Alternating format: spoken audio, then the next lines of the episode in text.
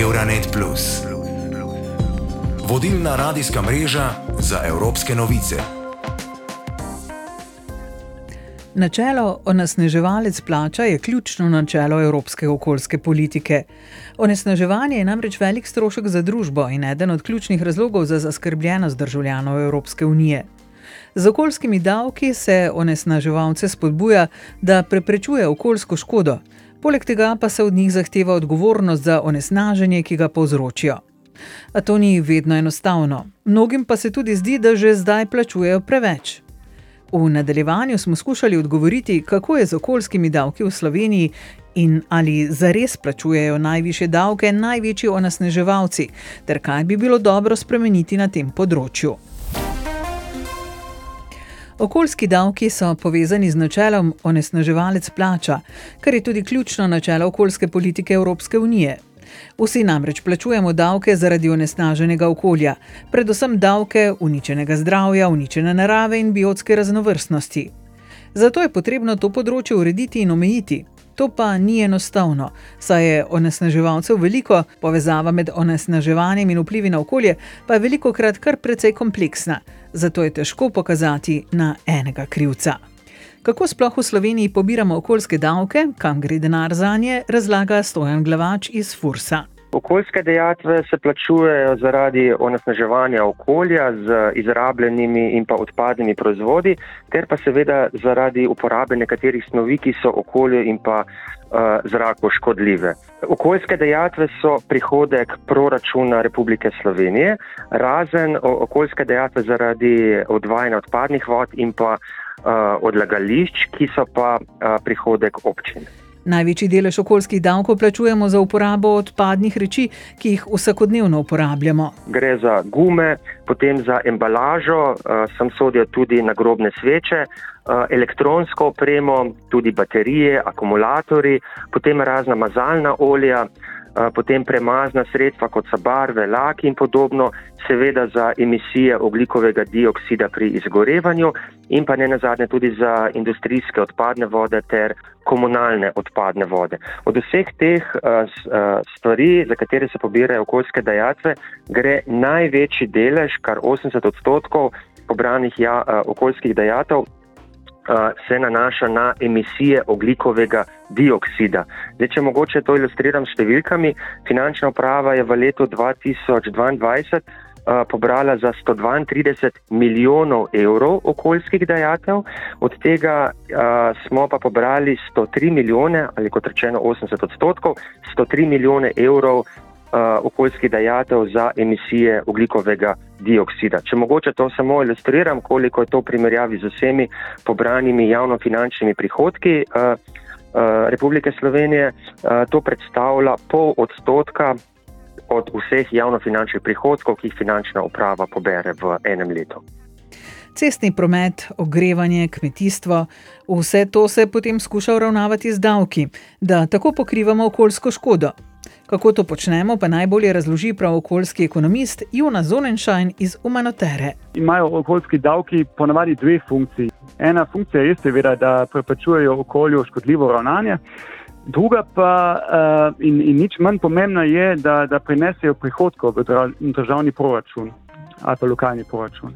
Pri nas najpomembnejši okoljski davki iz vidika prihodkov so trošarine uh, na elegante, davek na CO2 in do neke mere tudi davki na motorna vozila in, in letna registracija. In ker je Slovenija pač tranzitna država in se tudi veliko vozimo z avtomobili, eh, Slovenija zbere veliko, veliko denarja s temi davki.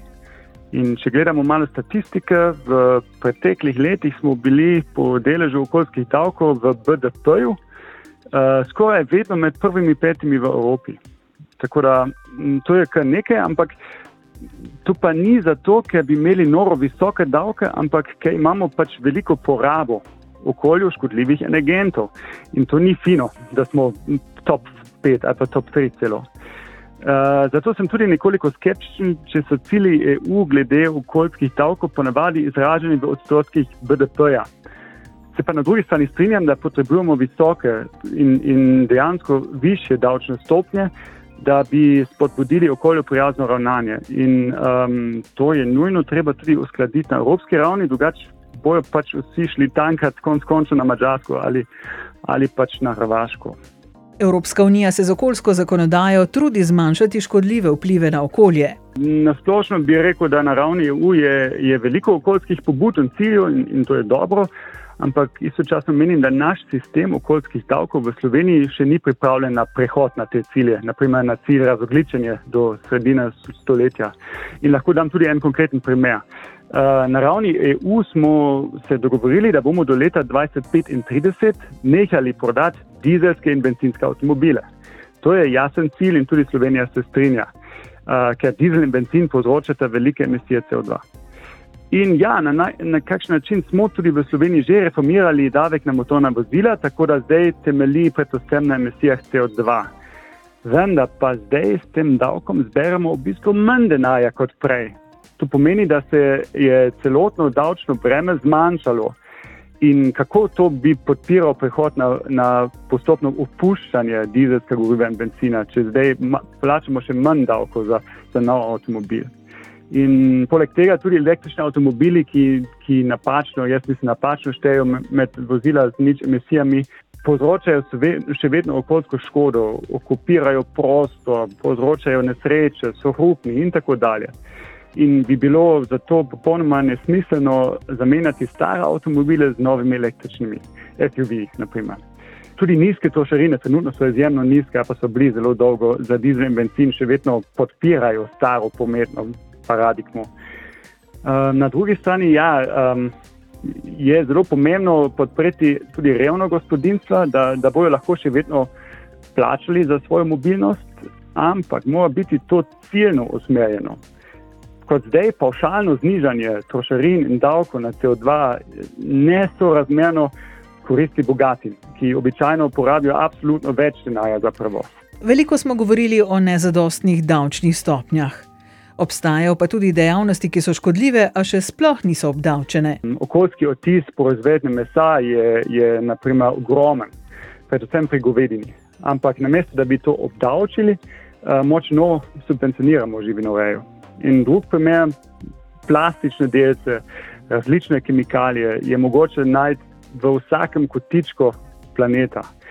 To je od najviše gore do krvi, novojenčko in tako dalje. In kljub temu so plastika in, in škodljive kemikalije še vedno izjemno poceni.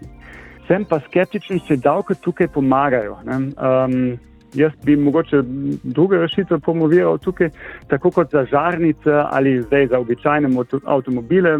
Mislim, da potrebujemo strogo predpise in mogoče morda celo prepovedi. Svetloba iz let, ki zdaj ni nič slabša kot prej, električni avtomobili prav tako niso nič slabši in sem tudi prepričan, da, da bo življenje z manj plastike, z manj mesa, če sploh boljše in ne slabše. Zato dr. Zonenšajn opozarja, da je sicer upeljava takih davkov v smislu politične ekonomije zelo težka, a je nujno za reči, ki najbolj obremenjujejo okolje, tudi vedeti, da ne morejo biti zelo poceni, da je za nje treba plačati več. S tem pa se ne strinja Kmetijska zbornica Slovenije, kjer predsednik Roman Žveglič odgovarja. Ja, nažalost, Evropska komisija ponovadi eh, določa neke predpise za povprek, ne pa da bi se prej preverila in naredila natančno analizo, kakšno kmetijstvo je v kateri državi. Slovensko kmetijstvo je, se pravi, izredno trajnostno, to pomeni, da je okoljsko vzdržno, socialno vzdržno, ekonomsko bi tudi moralo biti, ampak je najslabše. In seveda slovensko kmetijstvo diha že tako na krge, da definitivno nobenih dejatov več ne preneha. Vete, mi imamo obremenjenost hektara obdelovalnih površin, kar se tiče govedorejo, manj kot en GVŽ, na nizozemskem je to 7 GVŽ. Ali pa po kmetijah. Ne?